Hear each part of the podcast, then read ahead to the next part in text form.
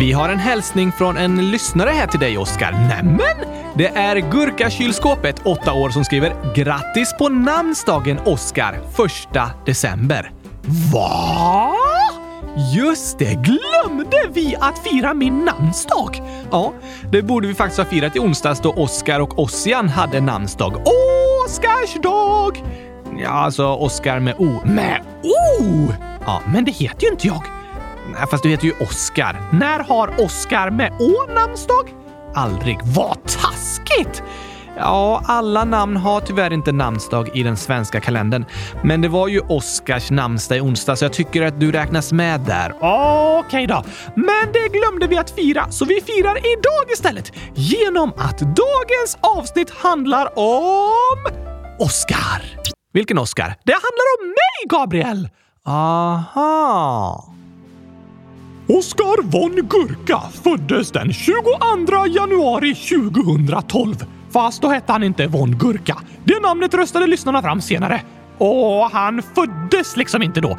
Han hade redan sytts vid ett tidigare tillfälle. Men detta var första gången han och Gabriel hade en föreställning tillsammans. Typ som att födas. I alla fall, när Oskar blev nio år vilket han blev samma stund som han föddes, började hans kamp för en bättre värld med gurkaglass till alla människor. Han startade en podcast för barn som nådde tusentals lyssnare där hans mål var att berätta det fantastiska budskapet om gurkaglass. Och inte nog med det, han var även en stark förespråkare för kylskåpsrättigheter och en otroligt duktig matematiker. Oskars kändaste citat är “Tack Åh, hej gurkapastej! Spännande berättelse. Det var allt för dagens person. Vi hörs igen på söndag! Nej, vänta lite nu, Oskar. Det var en fin berättelse, eller hur? Otroligt inspirerande! Inspirerar du dig själv? Ja, såklart! Det finns inte så många andra gurkaglass-inspiratörer i världen, så jag måste inspirera mig själv. Okej. Okay. Ja, det är ju viktigt att berätta det viktiga budskapet om gurkaglass och stå upp för kylskåpsrättigheter och så vidare. Men jag tycker faktiskt du har gjort andra saker som varit ännu viktigare. Typ lyssnat på barns frågor och stöttat dem i jobbiga situationer. Det har du rätt i. Vi kanske kan göra ett till avsnitt av mig på söndag? Nej, och dagens avsnitt ska inte heller handla om dig, men det var ju min namnsdag i onsdags. Ja, fast du är redan med i alla avsnitt. Vi ska prata om en historisk person. Okej, okay, det är också spännande. Ja, vi sätter på musiken för historiekalendern så drar vi igång.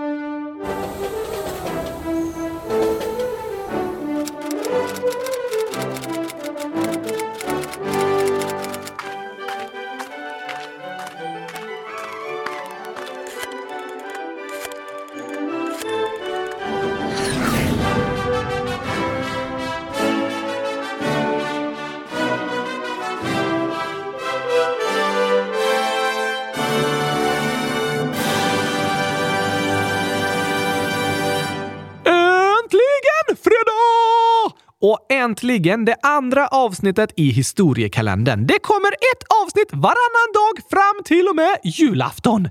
Precis. Har du hört något om vad lyssnarna tyckte om första avsnittet? Ja, faktiskt. Ronald Weasley, 11 år, skriver “Vilket bra första avsnitt det var av historiekalendern!” Jag tänkte bara “Nej, men det blev ju jättebra! Tack!” Åh, vad roligt att höra! Verkligen. Tack för att du hörde av dig. Kul att de lyssnar på historiekalendern på Hogwarts! Ja, eller hur? Hoppas ni andra lyssnare också var nöjda med avsnittet. Det var verkligen spännande. Jag håller med. I onsdags pratade vi om Harriet Tubman i USA på 1800-talet. Idag åker vi söderut därifrån och nästan 100 år framåt i tiden. Eh, till typ eh, 1950-talet? Ja, i Brasilien. Oh! Vi har fått många förslag från er om att prata om en av världshistoriens bästa fotbollsspelare. Nej! Fotboll! Jag vet att du inte tycker så mycket om det, Oskar, fast många lyssnare älskar fotboll. Och det här är en spännande berättelse. Okej, okay. då så. Och vi har fått flera inlägg här. Ebbe, 100 000 år, skriver “Kan ni prata om Cruyff eller Maradona och Pelé och Henry, han som spelar i Arsenal, helst Henry. Sen namn, massa fotbollar och ålder, massa fotbollar, skriver “Kan ni prata om Pelé?” Axel, 10 år, skriver “Kan ni ha Pelé, Ronaldinho eller Ronaldo som historiska personer? Inte Ronaldo från Portugal, utan Ronaldo från Brasilien Brasilien. Och namn brasilianska flaggor, ålder brasilianska flaggor skriver “Kan ni prata om Pelé?” och massa brasilianska flaggor. Och så har vi även fått ett inspelat inlägg från Natt, 9 år, som säger så här. Kan ni prata om Pelé? Aha, om Pelle Svanslös? Nej, inte Pelle. Pelé. Vem är det? Det ska jag berätta nu.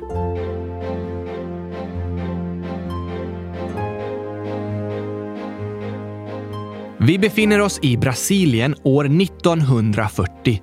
Den 23 oktober föds en pojke som får namnet Edson Arantes do Nascimento i staden Tres Corazoes som ligger i sydöstra delen av landet. Vad betyder Tres Corazoes?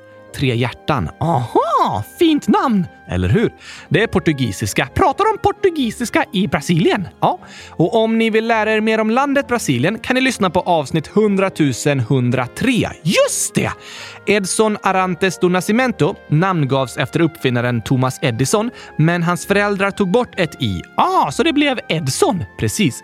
Och liksom många människor i Brasilien på den här tiden levde hans familj i fattigdom och Edson hjälpte till att tjäna extra pengar genom att jobba som hjälpreda i tebutiker och att polera skor. Oj då! Hans pappa hade varit fotbollsspelare och han lärde Edson att spela. Men de hade inte råd att köpa en fotboll, så ofta spelade Edson med en strumpa som var fylld med tidningspapper och ihopknuten med snören eller en grapefrukt. Det var uppfinningsrikt! Eller hur? När fick han namnet Pelé då? Jo, det smeknamnet började han få när han gick i skolan. Antagligen för att hans favoritspelare var en målvakt i laget Vasco da Gama som hette Billy, vilket han uttalade lite felaktigt och hans kompisar började då kalla honom för Pelé. Betyder det något särskilt? Inte på portugisiska, men på hebreiska betyder det mirakel. Fast det har Pelé sagt att han inte kände till när han fick smeknamnet som barn. Fint smeknamn i alla fall! Det tycker jag också. Och det är vanligt att brasilianska fotbollsspelare har olika artistnamn som inte är deras riktiga namn. Aha! Spelar han i något lag? Ja, Pelé spelade i olika amatörlag som barn och tonåring och snabbt syntes det att han var en väldigt talangfull fotbollsspelare. På den här tiden började inomhusfotboll bli populärt i Brasilien, så kallat futsal. Och redan som 14-åring fick Pelé spela med vuxna. I en turnering sa de att han var för ung för att få vara med, men han fick till slut spela och gjorde 15 mål när laget vann den turneringen. Wow! Han har efteråt berättat att den turneringen gav honom mycket självförtroende och att han lärde sig att inte vara rädd för utmaningarna han stod inför. Det är viktigt med självförtroende! Ja, det är det verkligen. Och från tonåren så gick fotbollskarriären spikrakt uppåt. Redan som 15-åring skrev han ett kontrakt med den brasilianska proffsklubben Santos och gjorde mål redan i första matchen. Och nästa säsong, när han var 16 år, gjorde han flest mål av alla i hela ligan. Va? Som 16-åring? Då fick även landslaget upp ögonen för honom och Pelé fick åka med till VM i Sverige år 1958. Vänta, vänta, vänta, vänta, vänta, vänta, vänta! Har det spelats fotbolls-VM i Sverige? Ja, det har det faktiskt. År 1958. Det var ett speciellt mästerskap av många anledningar och särskilt för att det var Pelés första VM. Gick det bra? Det gick otroligt bra. Pelé var vid den här tiden den yngste spelaren någonsin att spela ett fotbolls-VM. Har det rekordet blivit slaget nu? Ja, men många andra av Pelés rekord står kvar. I semifinalen mot Frankrike gjorde han ett hattrick. Vad betyder det? Ett hattrick är tre mål i samma match. Wow! Det är Pelé den yngste i VM-historien att göra. Han är även den yngste någonsin som spelat en VM-final. Vilka mötte Brasilien i finalen? Sverige. Va? Aha. Den 29 juni år 1958 spelade Sverige VM-final i fotboll mot Brasilien på Råsunda i Stockholm. Det började bra för Sverige som tog ledningen redan efter fyra minuter. Hade de ett bra lag? Ja, verkligen. Men Brasilien var ännu bättre och kvitterade i den nionde minuten. Oj då! De gjorde även 2-1 före paus innan Pelés show började i den andra halvleken. I ett av VM-historiens kändaste mål tog han ner bollen på bröstet i straffområdet, lobbade den över en försvarare och sköt i mål på volley. Wow! Det var supersnyggt. Brasilien tog ledningen med 3-1 och det skulle till slut bli rekordmånga mål i finalen när Brasilien vann med 5-2. Pelé gjorde även ett nickmål i 90 minuten. Det var första gången Brasilien vann VM-guld i fotboll. De hade kritiserats mycket på förhand och folk klagade på hur de kunde låta en 17-åring spela VM-final. Men Pelé hade visat att han inte var för ung. Han gjorde ju supermånga mål till och med! Eller hur? Sex mål på fyra matcher i sin första VM-turnering. Och han skulle fortsätta att göra massor av mål under hela sin karriär. Spelar han kvar i Brasilien? Ja, det var många storklubbar i Europa som försökte köpa honom och han var nära att skriva på ett kontrakt. Men då demonstrerade Santos fans och den brasilianska regeringen deklarerade att Pelé var en officiell nationalklenod och att han skulle fortsätta spela i Brasilien. Det gjorde han hela sin karriär, förutom en liten period då han var i New York. Han vann den brasilianska ligan sex gånger med klubben Santos och Copa Libertadores, som är Sydamerikas Champions League kan man säga, två gånger. Han fortsatte även framgången i brasilianska landslaget och var med i fyra världsmästerskap och vann tre gånger. Han är den enda fotbollsspelaren som har vunnit tre VM-guld. Wow!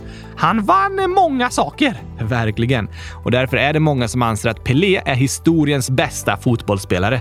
Av Fifa fick han tillsammans med Maradona pris som århundradets fotbollsspelare under 1900-talet och han har fått mängder av andra utmärkelser. Om man räknar med alla vänskapsmatcher Pelé spelade gjorde han totalt 1283 mål på 1363 matcher, vilket är världsrekord. Han har även rekord i antal hattrick, 92 stycken, och enligt Fifa rekordet för flest mål på ett år. 127 stycken. Oj! Men det är alltid lite diskussioner runt sådana rekord om vilka matcher som ska räknas med och så vidare. Dessutom registrerades statistik inte lika noggrant på Pelés tid som ni gör idag. Men ett som är säkert är att han var en otroligt duktig fotbollsspelare som med nummer 10 på ryggen slog igenom redan som tonåring, gjorde mängder av mål och ledde brasilianska landslaget till tre VM-guld.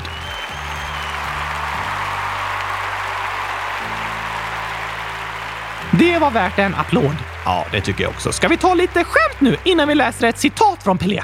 Det passar bra.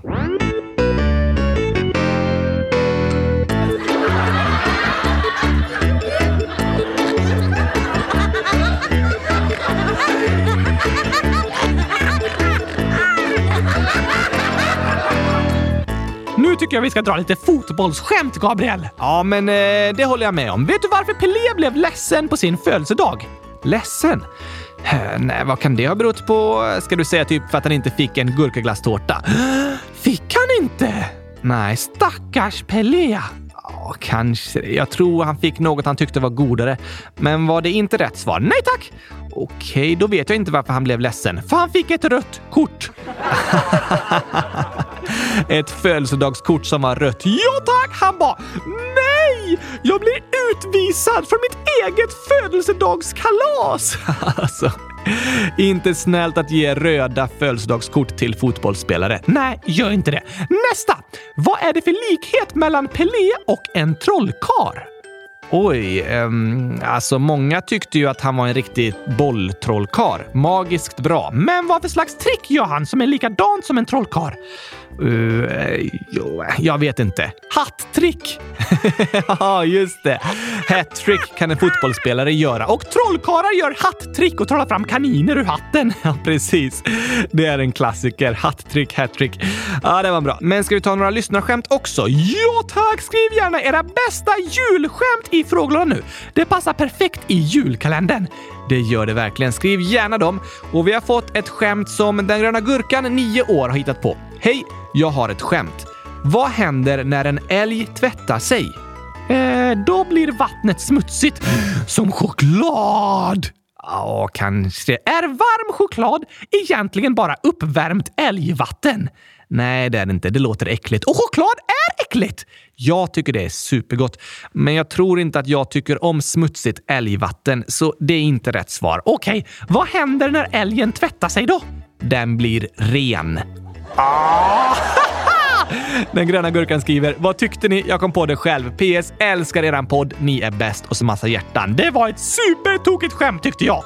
En älg som blir ren. ja, den blir ju ren fast den blir inte djuret ren. Det är tokigt med ord som betyder flera saker samtidigt. Ja tack! Ett annat djurskämt kommer från Ninja 100 år. Vad är det för djur som gillar att panta? Hmm, kanske elefanten, för den dricker så mycket gurkaläsk att den har massor av burkar att panta. Bra förslag, men rätt svar är panten. Ah, såklart! Låter som att panten gillar att panta. Verkligen ett miljövänligt djur, eller hur? Men nu måste vi ta en paus från fotbollen och njuta av en fin julsång, Gabriel. Ja, det tycker jag också. Lullu, 12 år, skriver “Kan ni spela upp julsagan? Please, please, please!” Och den är faktiskt väldigt tokig! Håller med. Så här kommer den.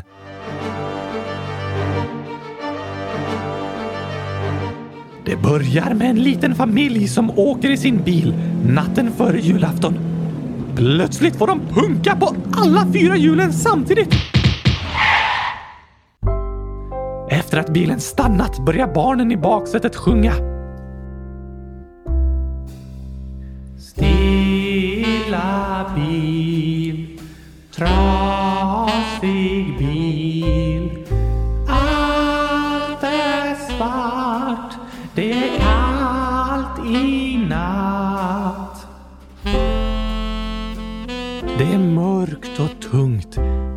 Bärgningsbil kommer och kör dem till verkstaden.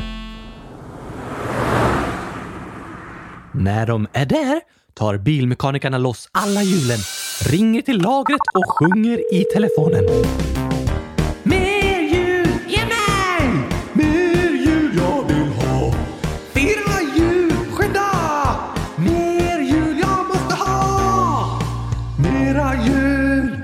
lagret börjar de direkt jobba hårt. De letar upp rätt hjul, packar dem och börjar gå till verkstaden. Lagerarbetarna sjunger på vägen.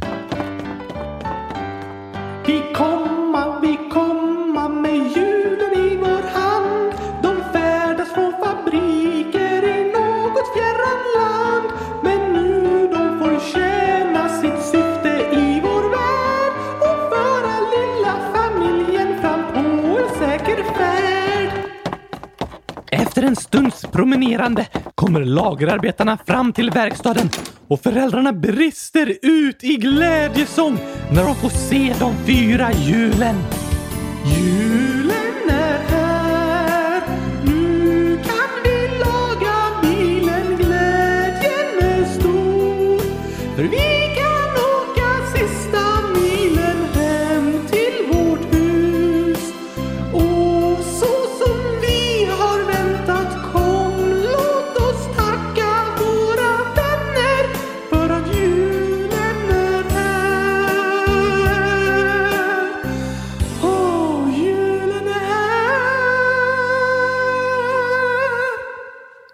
Glädjen är ofattbar när mekanikerna får hjulen från lagerarbetarna och börjar fixa bilen.